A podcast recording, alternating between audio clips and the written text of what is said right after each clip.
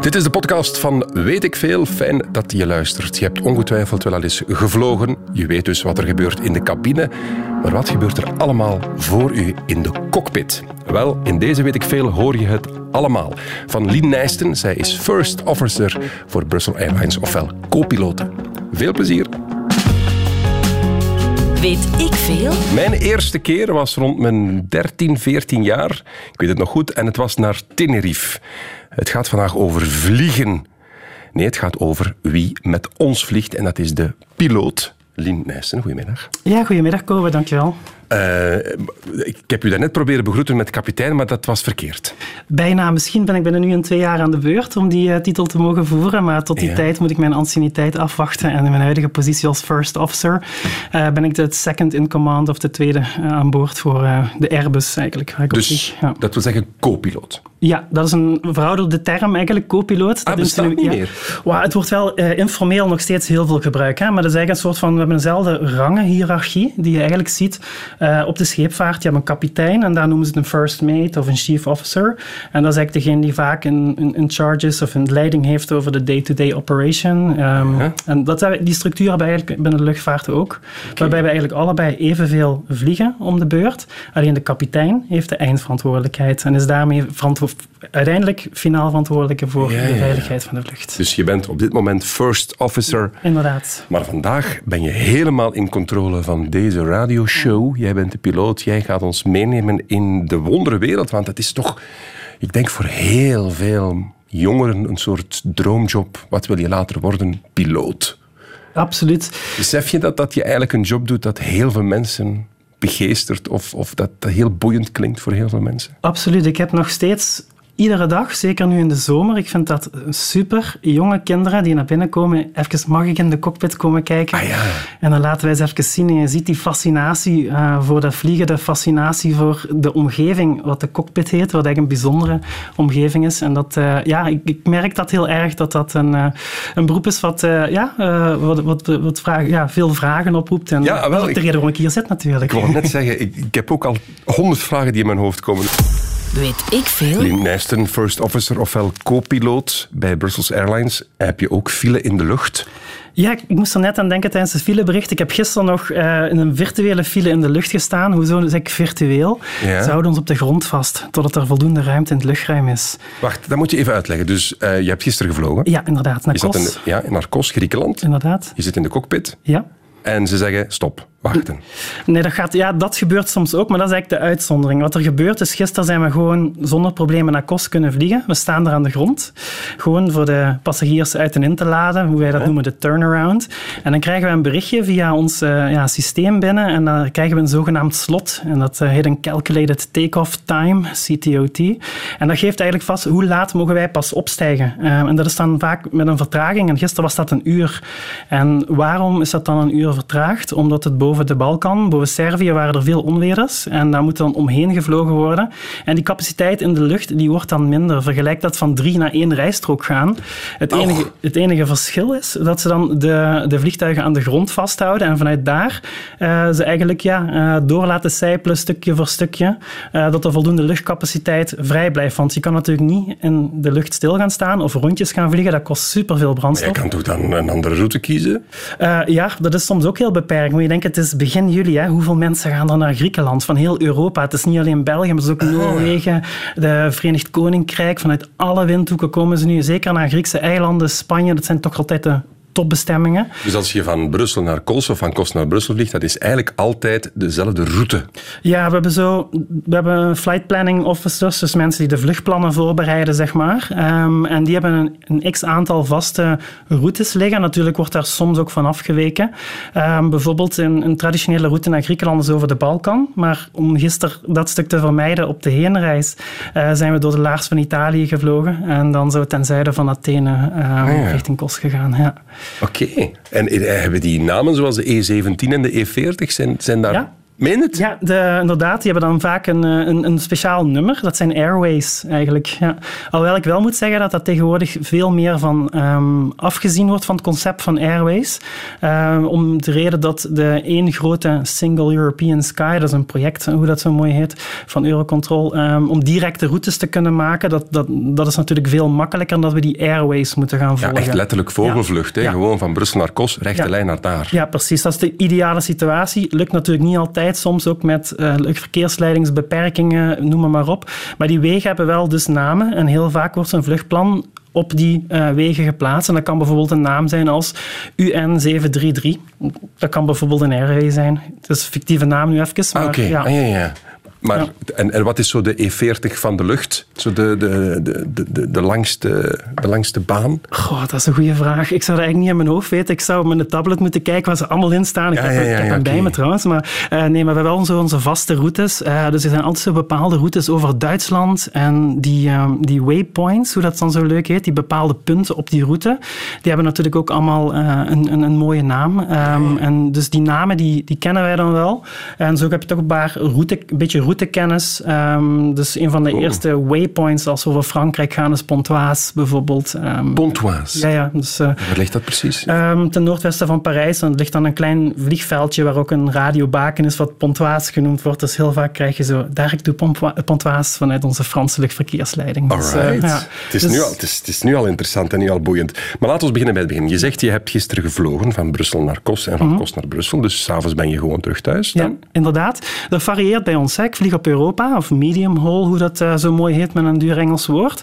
Ehm, in principe ben ik zeker de helft van de dagen gewoon thuis. Dan vertrek ik 's ochtends en dan kom ik s'avonds. Of, Ah, ja. of, ja, ik vertrek soms op de meest gekke tijden. Dus gisteren moesten we opstijgen om 6 uur 's ochtends. Dus mijn wekker staat om 3 uur. En dat, dat vroeg ik mij af. Hoe lang moet je dan op voorhand op de luchthaven zijn? 1 uur en 10 moeten we echt aanwezig zijn op de luchthaven. Dan hebben we nog tijd om door de security te gaan, want ook wij moeten iedere dag door de security. Oké. Eh, en dan moeten we eigenlijk 42 minuten voor de vlucht moeten wij in, in, in het vliegtuig zijn. 42. Ja, maar on time is before time. Oh, dat, oh, dat, dat klinkt zoals in dingen uit het eiland vroeger. Ja? Wat de manager zou zeggen. On time is before time. Ja, dat is, Ja. Een, dat is een quote die je bij ons vaak hoort. Ja, absoluut. waar? Ja, we kunnen het ons niet permitteren om te laten komen. Hè. Nee, maar zitten- 42 minuten, of dat het nu 41 minuten is of 40. Ja, er is over nagedacht. Natuurlijk ook allemaal in functie van... van kijk, we moeten ook als, als crew, als bemanning bij elkaar komen, samen brieven, samen een, een, een concept, een beeld van die vlucht eh, vormen. En daar heb je ook tijd voor nodig, plus alle veiligheidschecks, plus alle voorbereiding. En dus is eigenlijk geconcludeerd dat voor onze eh, type operatie bij Brussels Airlines, dat we 42 minuten van tevoren in het vliegtuig willen zijn. Maar nog Ja. even terug. Dus je wekker staat om drie uur. Ja. Ehm, ik, het zijn mijn zaken niet. Je moet naar de luchthaven. Hoe lang rijden dat, dat is, dat, dat maakt niet uit. Ja. Je komt op de luchthaven aan. Je hebt dan al je, je uniform aan? Ja, absoluut. Oké, dus ja. je kleed je thuis doe je gewoon ja, ja, uniform. Heb je daar een aparte ruimte voor piloten? Heb je er een locker? Kan je nog iets toevoegen? Mm, Meestal gaan wij direct, gelijk de passagiers, door de security. Hè. Mensen kunnen ook zien als ze in Brussels Airport door de security gaan, helemaal rechts. Eh, gezien in de security, daar staan wij meestal ook in de Die rij. mogen de fastlane nemen, dacht ik. Ja, absoluut. We hebben een aparte stafflane zelfs. Maar zelfs daar kan het ook aanschuiven zijn, zeker in de zomer. Oké. Eh, soms zijn we als 20 minuten kwijt. Eh, En mag vandaar- jij wel een mes mee aan boord nemen? Ook niet? Nee, laat ik zo zeggen. Een, een, een, een mes om een boterham te smeren, daar is niks mis mee. Hè. Dus een lemmet tot 6 centimeter onverborgen is geen enkel probleem. Ja. En, en, met, en zo laptops moet je dat ook uit het koffertje Ja, halen? en absoluut. Ah, ja, oké. dus echt een controle zoals elke passagier. Zoals elke andere passagier. Ja. Eh, Heb je zo het, het cliché van de pilotenkoffer mee?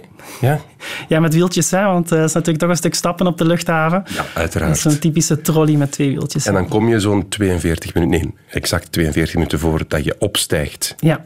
Uh, nee, voordat we de pushback hebben. Een pushback is het achteruit duwen Ah, ja. vanaf de gate. En dan hebben we meestal nog zo'n 10 minuten taxitijd voorzien, uh, totdat we effectief uh, de lucht ingaan. Dus de vertrektijden zijn altijd gebaseerd op, de, op het moment van pushback, niet op het moment van opstijgen. Dus de, de tijd op het ticket, op het Ja. vliegticket voor de passagier, is Ja. niet take-off, Dus pushback. is pushback. Ja. Dat, dat je die gate verlaat. Ja, inderdaad. Ah. En de passagiers moeten vaak al een x-aantal minuten van tevoren daar zijn, want die gate gaat heel strikt dicht, omdat het voor ons natuurlijk ja, vertragingen maken, dat, dat kost gigantisch veel geld. Ja. Dus, eh, dus ja, ze moeten zelfs... Ook daar is het weer on time is before time voor de Ja, passagiers zelfs. Ja, En dus je geeft ook een briefing aan, de, aan het cabinepersoneel. ja absoluut. Ja. Wat zeg je tegen hen? Want die kennen hun job, die weten wat ze moeten doen, ze weten waar ze naartoe vliegen. Ja, we hebben altijd zo'n standaard, paar standaard zaken. Zo'n briefing begint. Ik zal bijvoorbeeld mijzelf verhalen van Kos gisteren. Ik zeg van, nou Kobe, wij vliegen vandaag naar Kos. Vliegtijd is 3 uur en 20 minuten. Er is een beetje turbulentie voorzien eh, boven oké. de Alpen. Eh, het vliegtuig is helemaal in orde. Ehm, en eh, wie is jouw backup, vragen we altijd. Zo, want we hebben één iemand die de leiding heeft in de cabine. En we willen eigenlijk ook altijd een backup daarvan hebben. Want de luchtvaart draait altijd om backups. En zo ziet zo'n briefing er eigenlijk uit. En soms zijn er nog bijzondere zaken te bespreken. Dus, Als er een VIP aan boord bijvoorbeeld. Ja. is, dat wordt ook gemeld. Zeker met ja, de Europese Commissie hier in de buurt zien wij regelmatig een, eh, een limousine-achtige wagen aan de gate verschijnen. En die komen dan vaak eh, eerder eh, als, als eerste of als laatste aan boord juist. En dan, eh. Ja. Wie, wie is de beroemdste persoon die je al mee hebt gekregen? Eens even denken. Ja, ik heb er wel ja, goh, ik heb er veel voorbij zien komen. Ehm, eh, on- ons hoofd van de Europese Commissie, Jean-Michel, heet hem ook alweer? Eh, sorry, ik ben de naam. ah, de, de Belg? Ja, ja, Michel? ja, inderdaad. Ah, oké. Ja, en aangename passagier? Maar ik heb hem zelf niet gezien, hè. ik zit in de cockpit. Dus, eh, Ah, ja. Maar natuurlijk hebben we ook vaak inderdaad andere eh, bekende personen aan boord. Eh ik had laat iemand van, eh, ehm, van de Red Flames aan boord. En dat soort mensen. En het is altijd leuk om even hallo te zeggen. Of ik had ehm eh Evenepoel aan boord een tijdje geleden. Dus, eh, Alsjeblieft. ja. Die, is toch, die is toch in de cockpit mogen komen zitten? Ja, maar dat was een hele vroege vlucht. En we hebben, we hebben gezegd van, ah, kom eens even. En zei, nee, nee, nee, ik, ik blijf achterin zitten, rusten. Want volgens mij moest hij die middag nog op de fiets. Ah, oké. Dus eh, ja. Ik heb het ooit meegemaakt dat ze kwamen vragen van heeft u zin om eh, in de cockpit te komen volgen? En dat was, ik vond dat fenomenaal. Ja? Echt waar. Want er is maar één stoeltje extra, denk ik. Hè? Eh, Of twee, dat hangt meestal sowieso één, maar soms twee. Ja. Ah ja, oké. Ja. Wel, Ik vond het fantastisch om dan te zien hoe dat ze landen. Was het. Ik mocht de landing meemaken. Weet ik veel? Dan weet ik veel gaat het over de piloot vandaag. Met piloten, nee, co-piloot, nee, first officer moet ik zeggen. correct. Lien Nijsten als centrale gast. Lien, we zijn denk ik goed bezig. Je hebt al het relaas van de dag gisterenochtend gedaan. Mhm. We zijn geëindigd bij de briefing voor het cabinepersoneel. Ja. Dan ehm, ga je denk ik in de cockpit zitten. Absoluut. Of weet je op voorhand wie je piloot is? Absoluut, ja. We kunnen van tevoren zien met wie we vliegen. En is dat altijd hetzelfde duo? Nee, dat is eigenlijk altijd anders. En maar goed ook, want we zijn allemaal anders en zo leren we van elkaar en het houdt het werk ook variabel. oké. Eh, dus dat vind ik wel tof. En en als wij in de cockpit komen, dan gaan wij als piloten onderling eh, de hoofden bij elkaar steken en dan gaan wij die vlucht visualiseren. Dus eh, wat is het weer? Wat zijn er dingen waar we rekening mee moeten houden vandaag? Eh, is het een moeilijke luchthaven? Is het een makkelijke luchthaven? Hoeveel brandstof pakken we mee? Allemaal dat soort keuzes worden dan besproken. Dat beslissen jullie. Ja, nou natuurlijk, het staat van tevoren uitgerekend op een vliegplan door diezelfde eh, eh, flight planning officers eh, die, die eigenlijk het, leeuwendeel van het werk voor ons doen, zodat wij ons kunnen focussen op dat plan in de praktijk brengen. Dat is eigenlijk Ja, ja. wat wij dan op dat moment gaan doen. Misschien een heel domme vraag, maar lopen jullie eerst eens rond het Ja. vliegtuig? Iedere vlucht is er altijd een visuele inspectie. Ik dacht het Ja. al. Ja. Ja. Dat is echt pure visueel. Jullie kijken naar de... wa- wa- Wat kan je zien? Bijvoorbeeld, het kan zijn dat eh, heel af en toe raken we wel eens een vogeltje, helaas, eh, tijdens de landing. En dan eh, kunnen we zien, oh, ja, is, er, moet er iets, is er geen schade aan het vliegtuig toegebracht. Het kan ook bijvoorbeeld zijn dat bijvoorbeeld een van de wagens op de grond die bijvoorbeeld het eten brengt, misschien ergens onbewust tegenaan gebotst is. You never know. Heb je het ooit meegemaakt dat je iets zag dat je zegt van oei, dit is een groot probleem? Een band die plat stond? Of, Ja, dat, dat zeg je toevallig. Ik heb inderdaad een keer een platte band eh, gezien. oké. Toen nam ik net het vliegtuig over van collega's. En eh, ja, dat was gelijk een eh, pitstop in de Formule 1. Eh, Alles gaat door en tegelijkertijd wordt dat wiel gewisseld dankzij onze collega's van maintenance die dat... eh, Dat wordt ter plekke ja, gewisseld. dan. inderdaad. Ja. En we waren gewoon binnen 50 minuten na de landing weer terug. Hè. Dus dat band wordt gewisseld. En dat, de, is teamwork. Luchtvaart is in alle, Cool. alle opzichten teamwork. Niet alleen binnen de cockpit, maar ook daarbuiten. Ja. Oké, we fast forward naar het moment. De pushback is dan als je de gate verlaat. Ja. Want een vliegtuig, alweer misschien een heel domme vraag, heeft geen achteruit. Hè? In principe, theoretisch zou het wel achteruit kunnen. Wij kunnen de motors in de achteruit zetten. Ehm, Och. Ja, absoluut. Dat is wat je tijdens de landing hoort. Soms zeggen mensen wel eens van, ja, geef dat vliegtuig vol gas in de landing.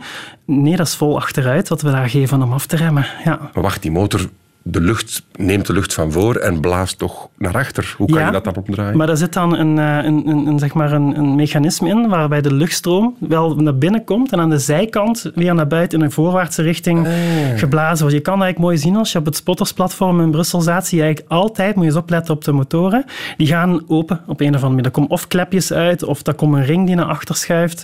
En dat zijn onze thrust reversers, dus die, onze, eh, ja, die eigenlijk een tegengestelde kracht geven om ons af te remmen. Dus in principe kan een vliegtuig wel degelijk achteruit. De reden waarom we het niet doen is heel simpel. Wij kunnen niet goed achteruit kijken, dat is één. We zien niet wat er achter ons gebeurt. Eh, want ons zicht is natuurlijk op voor, naar, naar voren gericht. dat is ja, ja. enerzijds. En anderzijds, er liggen natuurlijk altijd wel kleine steentjes en dat soort zaken. Ja. Eh, en het risico dat, die, dat, dat dat terug opgeblazen wordt en terug in de motor komt, is te groot. Dus dat is de reden waarom we altijd laten pushbacken. Dat is veel, veel makkelijker, veel operationeler en ook veel veiliger. Ja, dan komt het moment dat je op de, op de ik wou zeggen landingsbaan, nee, de opstijgbaan gaat staan. Ja? En, en, en dan? Is het eerst check met de controletoren en dan volle gas? Eh, ja, het is eigenlijk een, een, een bijna choreografie. Ik vind soms vanaf het moment van pushback tot aan take-off, dat lijkt bijna een beetje op een dans. We Wacht, dan, wacht, wacht. Dat, dat, dat hoor ik graag. Dan gaan we dan neem ons mee op de dans. Yes. Dus de pushback start. En we hebben contact met het grondpersoneel. Degene die in de pushback drukt, die zegt clear to start your engines. En dan starten wij onze motors op. En dat is een, ja, een, mooie samenwerking tussen degene die gaat vliegen en degene die monitort. Dus degene die gaat vliegen, die gaat dan ook de motor starten. Terwijl die achteruit gepusht wordt, start die beide motoren. En dan als de pushbacker klaar is met de pushback, gaat hij weg en dan beginnen wij te taxiën. Het eerste wat wij doen, is degene die vliegt doet de brake check. De andere controleert of alle druk daarvoor, de remdruk goed is.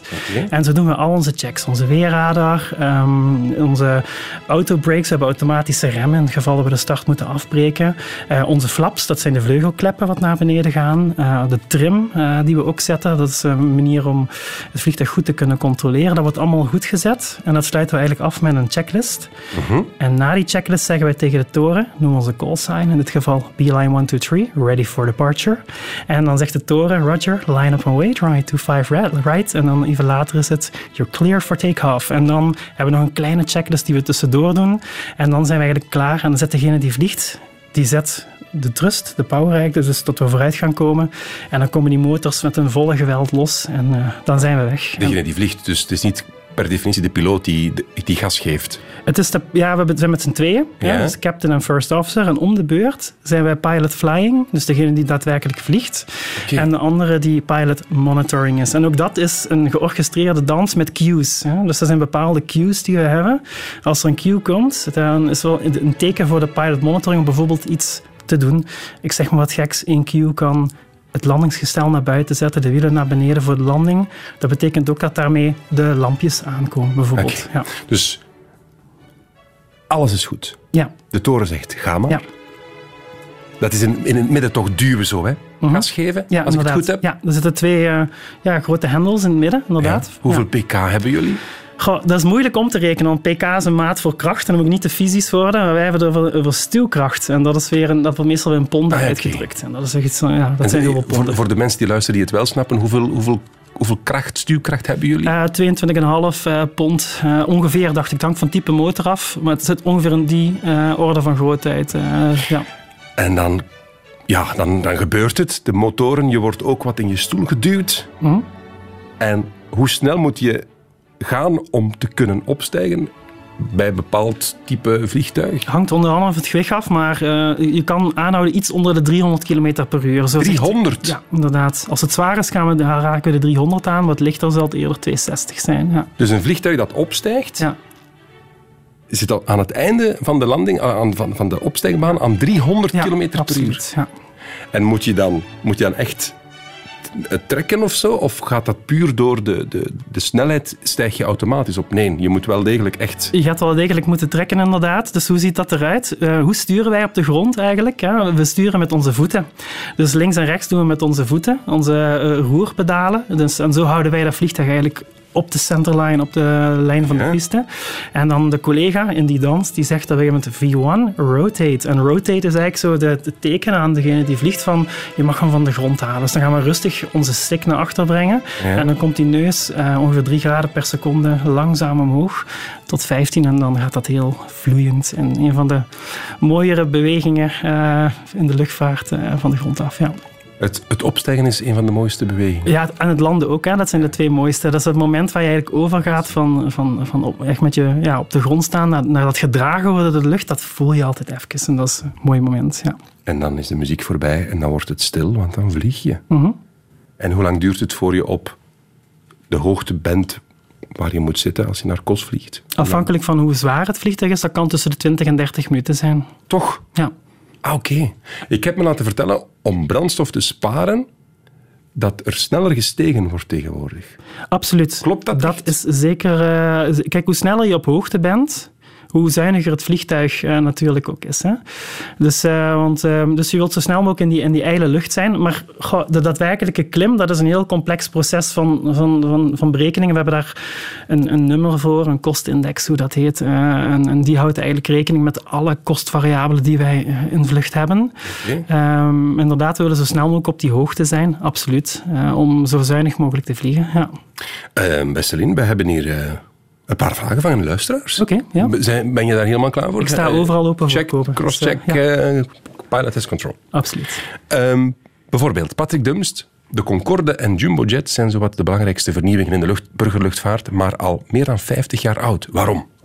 Ja, dat is inderdaad waar. De luchtvaart is een gigantisch trage sector voor innovatie. En waarom? Safety, safety, safety, oftewel veiligheid. Alles moet duizend en één keer gecheckt worden. Ehm, voor cruciale onderdelen in het vliegtuig moet er bijvoorbeeld een, een veiligheid zijn van de 1 op de miljoen keren maar eh, een structureel falen van dat specifieke onderdeel is. Dus er zijn zoveel ehm, ja, gigantisch veel veiligheidsaspecten. Eh, bijvoorbeeld de Airbus waar ik nu op vlieg, die is ontworpen in de jaren 80. En, je ziet- En nu pas, eh, allee, nee, niet nu pas, maar zo door al de jaren heen. Mhm. Ja, dus het vraagt gewoon enorm veel tijd om een nieuw type ja, absoluut. vliegtuig te ontwikkelen voor burgerluchtvaart, neem ik aan. En het is ook een kostenspel. Hè? Ik bedoel, Airbus en Boeing, de producenten, eh, die moeten natuurlijk ook eh, ja, dat gaan produceren aan een aantrekkelijke prijs. En om dan heel veel research, onderzoek en ontwikkeling eh, te doen, dat kost ook gewoon geld. Ja. Alain Gevers vraagt, wat zijn moeilijke luchthavens, korte landingsbanen? Bijvoorbeeld Florence, Firenze in Italië. Ehm, dat, Ah, ja? dat is een korte piste, ja. Ehm, daar mag alleen de kapitein landen, de captain. ehm, om de simpele reden dat op die luchthavens zijn de marges om beslissingen te maken soms zo klein dat we van tevoren al zeggen van oké, de captain pakt ook daar de controle. Ja. Mensen die nu onderweg zijn naar de luchthaven en straks naar Firenze vliegen, Ja. die krijgen het al wel. hoeven zich absoluut geen zorgen te maken, want als één iemand goed getraind gaat zijn op die luchthaven, Ja. gaat dat die captain van de dag zijn. Dat is een Ah, speciale groep bij ons. Dan heb je echt, dan vlieg je met de mensen die gespecialiseerd zijn in die luchthaven. Dus daar hoef je juist, juist geen zorgen te maken. Dus vluchten naar Firenze zijn de meest ervaren piloten. Niet per se, maar wel degenen die het meest getraind zijn voor die luchthaven. Allee. Dus alles wordt vanuit dat safety-perspectief, vanuit veiligheid, worden complete analyses gemaakt. Hè. Safety is, eh, we hebben tientallen mensen op ons safety department actief die continu bezig zijn om die veiligheid te verhogen. En daar wordt ook specifieke training bij, zoals luchthavens eh, in bijvoorbeeld eh, Firenze, eh Ja? Florence. Ja. Oké, interessant allemaal. Eh, nog snel eentje. Jochen de Keuster. Is het zo dat landen en opstijgen het meeste risico inhoudt? Zijn dat de cruciale momenten? Wordt wel eens gezegd, hè? Ja, goh, het is hoe je risico definieert natuurlijk. Ehm, eh, als er iets misgaat, is het meestal in die fase van vlucht, absoluut. Daar zijn, daar zijn meer risico's in, in die fase van vlucht. Ehm, maar of, exacte statistieken daarop die zijn er wel, maar die weet ik zeker niet uit mijn hoofd. Maar mij lijkt het logisch, wanneer kan er iets misgaan? Ja, als een vliegtuig onder druk komt, en Mhm. bij landen en bij opstijgen staat alles onder druk. Ja, Of wordt alles... Hè, dat- bij, zeker bij landen heb je impact toch van, van, van dat landen. ja, het vliegtuig is wel ontzettend sterk. Hè? Eh, dus die certificeringseisen zijn gigantisch hoog. Ja. Dat vliegtuig kan echt veel hebben. Ja. Zou een Boeing of een Airbus waar jij mee vliegt, een looping kunnen maken met passagiers? Mhm. Goh. In principe, in theorie, In theorie, ehm, Airbus is dat tegen beveiligd. Eh, we hebben daar beveiligingen in zitten. Jullie kunnen het niet proberen. Ja, we zouden al beveiliging moeten gaan uitzetten, maar dat is echt een, een situatie waar je als piloot nooit, als professionele piloot, nooit in zal begeven. Nee? Ja. Wat denk je zelf? Zou het kunnen? Ik, eh, Fysica gewijs zo? Goh, fysica gewijs, ik weet dat er ooit ehm, in een lange tijd geleden een testpiloot is geweest die een Boeing 707, dat praat over de jaren 60, die daar een barrel roll mee heeft gemaakt. Dus dat is eigenlijk zo, eh, ja, looping maar dan lateraal. vliegen, maar ja, zo inderdaad, zo'n kurkentrekker. Eigenlijk. Ja. Ja. Die heeft dat daarmee gedaan. Ehm, goh, de vliegtuigen zijn er niet op getest, niet op gecertificeerd. Ik ben geen testpiloot, dus ik, zou je daar, ik moet, je- blijf je het antwoord verschuldigd, helaas. Waar is Tom Waas als Ja. je hem nodig hebt? Ja. Weet ik veel. Radio 1. We zijn toe aan de zesde vraag. Een vraag die ons bezorgd werd door Cynthia Kampend uit Heusden. Waarom mogen vliegtuigpiloten geen Viagra slikken? Nee, nu luister niet naar de zoete inval, maar naar weet ik veel op Radio 1. Met een piloot, Lien Nijsten, hier bij ons. Nu, in uw geval is Viagra denk ik sowieso nutteloos, maar waarom mag een piloot geen Viagra nemen? Sowieso, met alle medicatie moeten wij eerst toestemming hebben van onze aeromedical examiner. Dus eh, tenzij het over specifieke medicatie, zoals eh, bijvoorbeeld een, een, een hoofdpijnstiller of iets dergelijks gaat, bepaalde vo- eh, maar voorgeschreven medicatie moet eigenlijk altijd gecheckt worden. En, Echt waar? Ja, Viagra zou natuurlijk ook voorgeschreven moeten zijn. Hè? Ik weet dat er ook al mensen uit allerlei bronnen dat eh, halen, maar officieel, de officiële route is voorschrift, dus je zou het sowieso moeten voorleggen. Ehm, ik ben geen arts, maar ik kan me wel voorstellen dat iets met eh, de bloedverdeling in je lijf doet. En ja, je wilt die wel in je hoofd hebben en niet ergens anders. Ja. Goed. Ja. Ja, nee, je wil het niet. Je wil het niet. Voilà. Ehm, mag je gedronken hebben? Uiteraard niet op het moment zelf. Mag je eh, zeker niet dronken zijn in een vliegtuig. Maar hoe lang op voorhand moet je gestopt zijn met drinken? Eh, een goede stelregel is altijd 12 hours between the bottle and the throttle. Dus eh 12 uur van tevoren, ja, absoluut. Ja, 12 uur. ja. Oké. Maar heb je ooit al gedacht bij je piloot? Hmm, ik ruik hier iets. Als ik dat denk, dan vlieg ik niet met die persoon. Meen je dat? Ja. Eh, Zijn daar procedures voor? Als er een- vermoeden is, dan, dan kan je afbreken. Dit is een vraag die typisch op sollicitaties gesteld wordt. Hè. Eh, Als je solliciteert bij een airline, wat ga je doen als je denkt dat de captain gedronken heeft? Ja, als er op het moment, kijk, je moet altijd kijken naar een risico is kans maal impact. En het is natuurlijk heel ja, tricky als je het verkeerd inschat als piloot. Ja, Maar niet zo collegiaal natuurlijk. de veiligheid is zo belangrijk. Mhm. Ik denk dat op het moment dat je zegt van ik vlieg niet met die persoon omdat ik een serieuze twijfel hierover hebt, ehm, dan, eh, dan zal je altijd eh gebackt worden door je management. Eh, ook al blijkt het daarna misschien vals alarm te zijn, liever dat dan andersom. Ja. Nu kan je geruststellen, ehm, de collega's met wie ik vlieg, dat zijn allemaal professionals en ik heb het zelf nog nooit mogen meemaken. Gelukkig, en dat gaat hopelijk zo blijven. Ja. Ehm, mensen die nu begeesterd aan het luisteren zijn, en het blijkt veel mensen te luisteren, want de vragen stromen binnen. Hm? Maar laten we eerst even op de opleiding praten, want hoe lang duurt het vooraleer je echt piloot bent en in een Airbus zit vol met passagiers? Voltijds, ik ga enkel uit van het voltijdscenario. Mhm. Dus voltijds ben je een goede twee jaar bezig. En En dan, zeg je, dan ben je voltijds aan het studeren, aan het leren. Absoluut. Dat duurt twee jaar. Ja, dus een, de theorie is daarvan ongeveer een kwart. Eh, daar staat 750 uur, dus dat is een half jaar fu- fulltime voor de theorie. Dat zijn 14 vakken. En het andere anderhalf jaar is veel praktijk in de traditionele opleiding. En vaak loopt dat een beetje uit, want we moeten ook afhankelijk zijn van de weergoden. Eh, Ah, ja. Kleine vliegtuigen waar de lessen in gedaan worden, zijn wat minder weerbestendig dan, dan de grote Airbus. Eh, Zeker twee jaar. 14 vakken, geef, geef eens een paar Ehm, vakken. Principles of Flights, oftewel eh, aerodynamica, eh, meteorologie, ehm, mass and balance, dat is eigenlijk over de gewichtsverdeling in het vliegtuig, ehm, communicatie, radionavigatie, eh, de systemen die we aan boord hebben. En ja, zo kan ik nog even doorgaan. Ja, ja, echt. vo- Vooral technisch ook. Ja, inderdaad. Ja. Weet jij bijvoorbeeld hoe een vliegtuig werkt ook als piloot? Snap Ja. jij de, de, de engineering erachter? Ja. Ni- Niet tot in ieder detail natuurlijk, want het is zo'n... Kijk, ik ben geen ingenieur. hè. Nee. Ik ben een piloot en dat is ook, denk ik... Veel mensen vragen me vaak, moet je nou echt sterk zijn in eh, fysica en wiskunde om piloot te zijn? Je moet de basis hebben om te begrijpen waar het over gaat. Uh, Maar je hoeft zeker geen ingenieur te zijn. Het gaat om het begrijpen van concepten. Um, dat is erin het belangrijkste. En zo is het eigenlijk bij mij ook. Natuurlijk begrijp ik alle concepten, maar ik ga niet tot in de engineering details kijken hoe onze, weet ik wat, onze uh, flight warning computer in elkaar steekt Nee, iets nee. dergelijks. Ja. Maar Zou het kunnen gebeuren dat je iets moet solderen ter plekke in de cockpit? Nee, nee, We hebben, uh, wij roepen altijd onze collega's van maintenance erbij. Daar moet je ook echt gecertificeerd voor zijn. Je kan niet zomaar mechanieker zijn en aan een vliegtuig gaan sleutelen. Die hebben ook een zeer strikte opleiding. Dat is een beroep dat ook niet te onderschatten is. Je hebt extreem, extreem respect voor die professionals die vaak op de meest onmogelijke uren aan onze vliegtuigen liggen te sleutelen en aan wie uh, wij allen eigenlijk ons leven toevertrouwen. En dat is mm. echt een beroep van discipline en respect. Shout-out shout out naar die mensen. Absoluut. Uh, hoe, hoe, wat ben ik kwijt als ik een twee jaar durige opleiding ga doen? Wat kost mij dat? Tussen de 75.000 en 110.000 euro. Oeh. Ja, dat is niet goedkoop. Ja. Is niet goedkoop, maar dat is all-in? Uh, ja, sommige scholen bieden een all-in concept aan, waar je zeker weet uh, wat je betaalt. De andere scholen die bieden meer een uh, pay-as-you-go concept aan. dus ja, dat varieert een beetje. Maar inderdaad, die wat rond de 100.000 zitten allemaal, die hebben echt een, een vaste prijs, absoluut. Ja. Verdien je dat terug op een jaar? Uh, op een jaar zeker niet. Uh, wat schuift dat eigenlijk, piloot zijn? Goh, uh, het is zeker niet zo exceptioneel betaald als dat veel mensen denken hoor. Um, Vroeger was dat zo het, het, het, beroep met de grote check erbij. Hè? Zo de Pan Am-achtige ja. toestanden. Maar dat Klopt. Die tijden zijn voorbij. Um, kijk, je bent gewoon, als je als first officer binnenkomt, je bent gewoon een, een, een typische uh, uh, hogeschool, uh, universitair Geef professional. Idee, ongeveer. Ballpark figure. goh, ja, ik weet niet wat de beginnende bij ons verdienen, maar ik denk het startsalaris ergens rond de, de ik, ja, ik, ik, zou, ik, denk ongeveer rond de 4000 bruto zit, maar ik weet het niet zeker. Bruto? Ja. Oké. Okay. Ja. Ja, ja, dat, zijn, dat, is veel geld, maar dat is ja. niet inderdaad het exceptionele. Ja. Iedereen denkt dat piloten de miljonairs van de lucht zijn. Rekening houden met dat je 100.000 euro hebt moeten investeren. Ja. Is, het, uh, is het zeker niet zo uh, dat wij in luxe en weelde leven nee, nee, op ons nee, 25ste? Okay. Absoluut niet.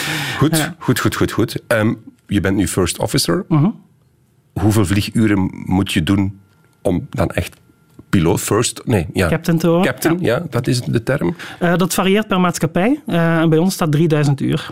3000 vlieguren? Ja, inderdaad, ja. Oké, okay. en waar, waar zit jij? Rond de 3000. Ah, het is het moment. Ja.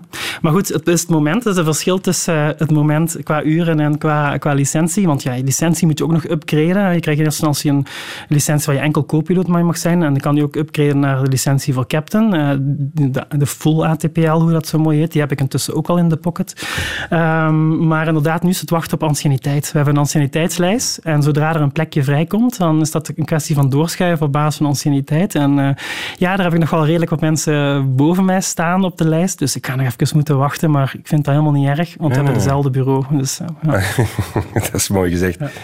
Heel snel, Bart de, Bart de Dijker vraagt, je hebt een vlieg, vliegdiploma. Mm -hmm.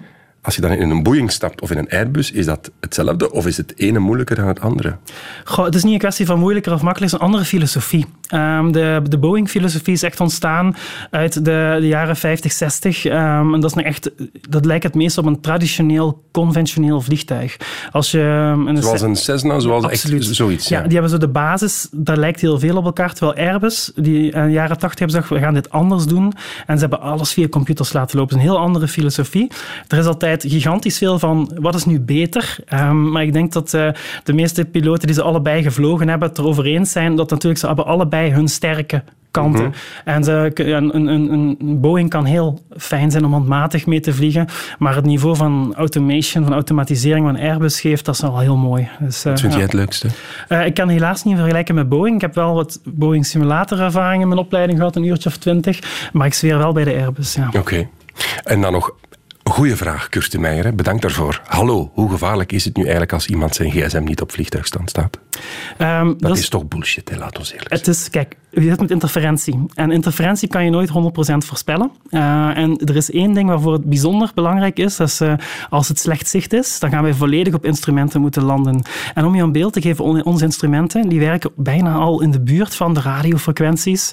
Um, waar wij nu op uitzenden bijvoorbeeld. Um, we zitten hier rond 100 megahertz. Wij zitten daar op de 120 megahertz. Het uh, ligt dichtbij. Mm -hmm. en de gsm's, zeker de 5G, die zitten op een, op een gigahertzband. En die gigahertzband die kan interfereren met onze hoogtemeter. Uh, we hebben een radiohoogtemeter. We hebben er twee, eentje op luchtdruk en eentje op radio. Um, en die radiohoogtemeter die is cruciaal voor de landing in slecht zicht. En je kan het je niet permitteren omdat daar interferentie is, omdat Mhm. iemand snel zijn TikTok of Instagram moet checken. Ja.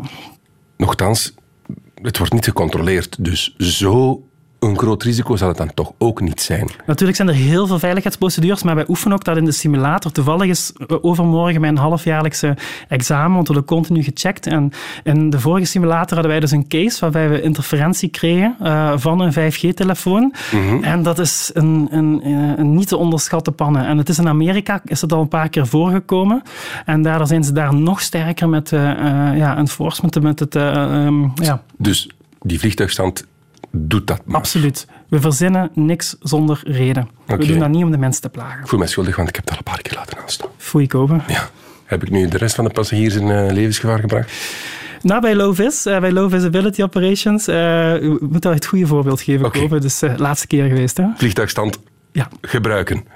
Bedankt, Kurt, voor deze pertinente vraag. Ehm, het grote dilemma van de dag. We hebben nog 3 minuten en 27 seconden. We kunnen nog een plaat draaien of we gaan gewoon nog wat vragen van luisteraars doen. Lien, jij kiest. Dat tweede vind ik wel leuk, kijk, die vragen van luisteraars. Doen we. Koen Dirks, hoeveel verbruikt een vliegtuig per uur? Afhankelijk van het gewicht. Uh, je kan uitgaan van, wij drukken onze brandstof in kilogrammen uit. Um, dus uh, gisteren had ik een verbruik van 2200 uh, kilogram per uur. Oef, 2,2 ton. Ja, inderdaad. En met een dichtheid van ongeveer 0,8. Dus dan kan je uitrekenen, dan kan je inderdaad tegen de, tussen de 2.500 en 3000 uh, liter per uur. Dat klinkt onwaarschijnlijk veel. Ja, dat is relatief veel, ja. Natuurlijk, je bent wel met 100, 150, 200 180, mensen ja. of 180 mensen onderweg. Dus een autobus, zwart, dat, dat, is een, dat is een vergelijking die moeilijk te maken is. Maar je bent niet alleen aan het vliegen, ik zal het zo zeggen. Absoluut, ja. en je legt een directe route af. Als je door de passen en de tunnels van Ja. de Alpen moet gaan naar Griekenland, dan uh, leg je ook veel meer kilometers af. Maar begrijp jij, er was overlaatst nogal wat ophef over een vlucht van Deurne, luchthaven Antwerpen, naar Zaventem. Ja. Begrijp je dat daar consternatie over is? Dat mensen zich wel afvragen van, jongens, waar zijn we mee bezig? Dat zijn vaak, uh, dat zijn geen commerciële passagiersvluchten. Hè? Daar gaat niemand een vliegtuig pakken. Dat is veel langer, maar dat zijn, dat zijn positioning flights. Ik weet dat Brussels Airlines doet dat zelf niet, maar ik weet dat uh, onze collega's van TUI Fly wel regelmatig, die opereren ook vanuit Antwerpen en die hebben vaak een vlucht van, en een vriend van mij die doet die route bijvoorbeeld, die heeft er 11 minuten vliegtijd om dat vliegtuig binnen te brengen, omdat bijvoorbeeld in Antwerpen niet genoeg mechaniekers zijn om aan dat type Ah, dat vliegtuig... zijn zo'n vluchten. Ja, dat soort zaken. Het zijn echt operationele uh, vluchten en die, die moeten ze doen om het aanbod op Antwerpen te kunnen doen. En dat is wat Mhm. de markt dan weer vraagt. Dus dat is een beetje... Of vind je het nog te verdedigen, bijvoorbeeld een vlucht naar Amsterdam, een Ja. vlucht naar Parijs, is dat, is dat nog te verdedigen voor een, voor een piloot? Of ben je wel, wel bewust van... Het liefst zou dat natuurlijk via het spoor moeten gaan. Hè? Maar het Ja. probleem is dat daar te veel uh, capaciteitsbeperkingen, onregelmatigheid zitten. En ook um, onregelmatigheid buiten de controle van de luchtvaartmaatschappijen. Dus dat is uh, lastig om... Uh, in de ideale wereld zou dat niet nodig zijn. In de praktijk kunnen we nog helaas niet zonder. Uh, maar ik deel de mening wel dat dat niet ideaal is. Ja. Mm -hmm. uh, heel snel, we hebben nog een minuutje. Pascal van de Velde vraagt je, wordt er inderdaad kerosine geloosd bij de landing indien er te veel over is? Nee. Nee? Nee, dat gebeurt alleen bij ex, uh, extreem grote vliegtuigen zoals de 747. Maar bij de, meestal kiest men ervoor als het even kan om gewoon in de lucht te blijven en de, de brandstof eigenlijk te verbruiken um, in de plaats van te lozen. Want de milieu-impact is natuurlijk gigantisch van lozen. Ja, en dat, de Brussel is ook stom, hè? Wij kunnen niet lozen zelfs. Dus uh, ah, ja, okay. die mechanisme niet. Want hij vroeg, is dat dan waarschijnlijk vaak boven hetzelfde gebied? Nee, dus. Meestal boven de Noordzee als ze het moeten doen. Ik weet dat KLM het wel eens boven de Noordzee heeft moeten doen. Echt brandstof dumpen? Ja, van een 747, maar dat is bij KLM geweest. Ja. Maar dat, is, dat wordt tegenwoordig echt ten koste van alles vermeden. Ja, en dan nog een laatste vraag om af te ronden, heel kort. Jolilo Nols, denk ik. Een vraag voor de piloot. Horen jullie het applaus? Soms wel, als het uh, hard genoeg geapplaudisseerd is. En het is de tijd van het jaar, de vakanties. Uh, Naar kost, dan is het ja, toch prijs. Dan is dat toch... betekent tekeningen krijgen van kinderen, bezoeken in de cockpit en applaus. En dat vinden wij hartstikke leuk. Is het waar? Ja. Want heel veel mensen ergeren zich daar blauw aan. Ja, uh, goh, uh, natuurlijk, wij doen ook gewoon ons werk, maar het is wel leuk om die erkenning te krijgen, absoluut. Nog heel veel veilige airmiles en bedankt voor jouw tijd, Liem. Dankjewel voor de uitnodiging, komen. Dit was de podcast van Weet ik Veel. Er is nog zoveel meer. Alles terug te vinden op VRT Max. Weet ik veel.